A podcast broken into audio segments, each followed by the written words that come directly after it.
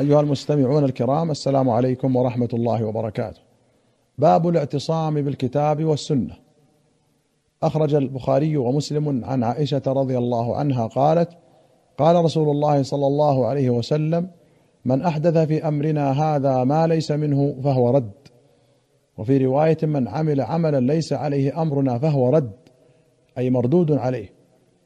وأخرج البخاري ومسلم عن ابن عمر رضي الله عنهما قال بينما الناس بقباء في صلاة الصبح إذ جاءهم آت فقال إن النبي صلى الله عليه وسلم قد أنزل عليه الليلة قرآن وقد أمر أن يستقبل الكعبة فاستقبلوها وكانت وجوههم إلى الشام فاستداروا إلى الكعبة.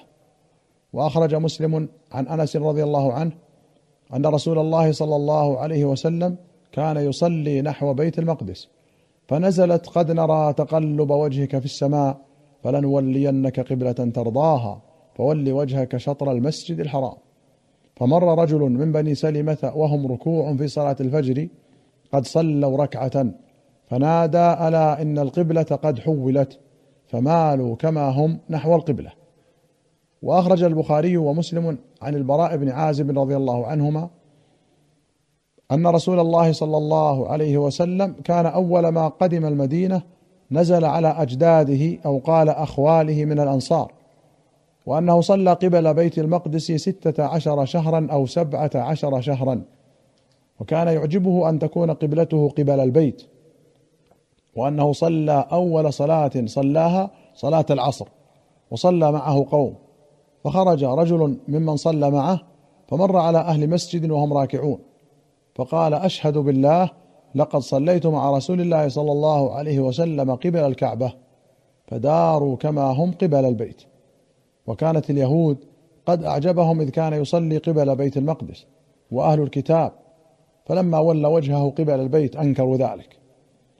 وأخرج البخاري عن ابن عمر رضي الله عنهما أن عمر بن الخطاب رضي الله عنه قال للركن أما والله إني لأعلم أنك حجر لا تضر ولا تنفع ولولا أني رأيت النبي صلى الله عليه وسلم استلمك ما استلمتك فاستلمه. ثم قال فما لنا وللرمل؟ إنما كنا رأينا به المشركين وقد أهلكهم الله.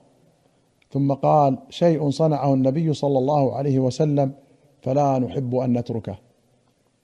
وأخرج الشيخان عن عابس بن ربيعة عن عمر بن الخطاب أنه جاء إلى الحجر الأسود فقبله فقال إني أعلم أنك حجر لا تضر ولا تنفع ولولا أني رأيت النبي صلى الله عليه وسلم يقبلك ما قبلتك. وأخرج أحمد وابن ماجة وأبو داود والترمذي والطبراني في الكبير والحاكم بسند صحيح عن العرباض بن سارية رضي الله عنه وهو ممن نزل فيهم ولا على الذين إذا ما أتوك لتحملهم قلت لا أجد ما أحملكم عليه. قال صلى بنا رسول الله صلى الله عليه وسلم ذات يوم ثم أقبل علينا بوجهه فوعظنا موعظة بليغة ذرفت منها العيون ووجلت منها القلوب. فقال رجل يا رسول الله كأنها موعظة مودع فماذا تعهد إلينا؟ قال أوصيكم بتقوى الله والسمع والطاعة وإن عبدا حبشيا. فإنه من يعش منكم بعدي فسيرى اختلافا كثيرا. فعليكم بسنتي وسنة الخلفاء الراشدين المهديين. تمسكوا بها وعضوا عليها بالنواجذ. وإياكم ومحدثات الأمور. فإن كل محدثة بدعة وكل بدعة ضلالة. العرباض بن سارية من أصحاب الصفة رضي الله عنهم. وقد روى مسلم في مقدمة صحيحه عن أبي هريرة أن النبي صلى الله عليه وسلم قال يكون في آخر الزمان دجالون كذابون. يأتونكم من الأحاديث بما لم تسمعوا أنتم ولا آباؤكم. فإياكم وإياهم لا يضلونكم ولا يفتنونكم. والدجال من الدجل وهو كثرة المكر والتدليس. قال في المرقاه قال المظهر يعني سيكون جماعة يقولون للناس نحن علماء ومشايخ ندعوكم إلى الدين وهم كذابون في ذلك. يتحدثون بالأحاديث الكاذبة ويبتدعون أحكاما باطلة واعتقادات فاسدة. وأخرج البخاري عن ابن أبي مليكة عن عبد الله بن الزبير رضي الله عنهما قال قدم ركب من بني تميم على النبي صلى الله عليه وسلم. فقال أبو بكر أمر القعقاع بن معبد بن زرارة. وقال عمر بل أمر الأقرع بن حابس. فقال أبو بكر ما أردت إلا خلافي. قال عمر ما أردت خلافك. فتماريا حتى ارتفعت أصواتهما. فنزل في ذلك يا أيها الذين آمنوا لا تقدموا بين يدي الله ورسوله. حتى انقضت. وفي رواية عن ابن أبي مليكة قال كاد الخيران أن يهلك أبو بكر وعمر رضي الله عنهما. لما قدم على النبي صلى الله عليه وسلم وفد بني تميم أشار أحدهما بالأقرع بن حابس التميمي الحنظلي أخي بني مجاشع وأشار الآخر بغيره. فقال أبو بكر لعمر إنما أردت خلافي. فقال عمر ما أردت خلافك؟ فارتفعت أصواتهما عند النبي صلى الله عليه وسلم. فنزلت يا أيها الذين آمنوا لا ترفعوا أصواتكم فوق صوت النبي. إلى قوله عظيم. قال ابن أبي مليكة قال ابن الزبير فكان عمر بعد ولم يذكر ذلك عن أبيه يعني أبا بكر إذا حدث النبي صلى الله عليه وسلم بحديث حدثه كأخي السرار لم يسمعه حتى يستفهمه. قوله تماريا أي تجادلا وتنازعا والسرار الكلام السر.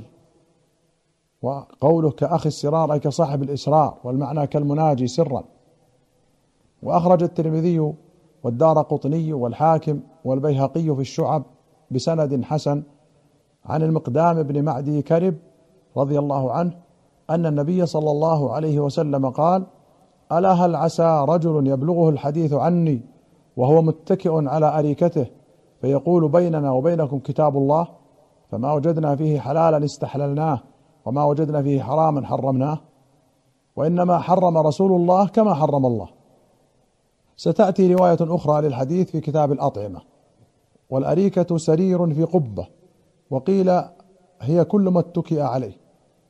قال في المرقاه قيل المراد بهذه الصفة الترفه والدعة كما هو عادة المتكبر المتجبر القليل الاهتمام بأمر الدين وفيه تأكيد لحماقة القائل وبطره وسوء أدبه. قال الخطابي يحذر بذلك مخالفة السنن التي سنها رسول الله صلى الله عليه وسلم مما ليس له في القرآن ذكر. على ما ذهبت إليه الخوارج والروافض فإنهم تعلقوا بظاهر القرآن وتركوا السنن التي قد ضمنت بيان الكتاب فتحيروا وضلوا. وأخرج البخاري ومسلم عن أبي هريرة رضي الله عنه أنه سمع رسول الله صلى الله عليه وسلم يقول إنما مثلي ومثل الناس كمثل رجل استوقد نارا فلما أضاءت ما حوله جعل الفراش وهذه الدواب التي تقع في النار تقع فيها. فجعل ينزعهن ويغلبنه فيقتحمن فيها. فأنا آخذ بحجزكم عن النار وهم يقتحمون فيها. وفي لفظ وأنتم تقحمون فيها. هذه رواية البخاري ولمسلم نحوها. وقال في آخرها فذلك مثلي ومثلكم. أنا آخذ بحجزكم عن النار هلم عن النار هلم عن النار فتغلبوني تقحمون فيها.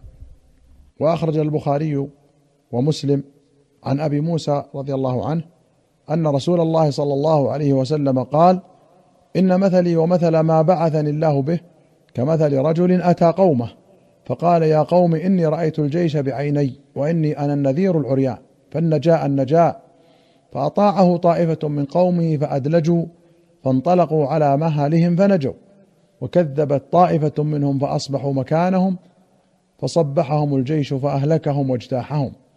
فذلك مثل من أطاعني واتبع ما جئت به ومثل من عصاني وكذب ما جئت به من الحق.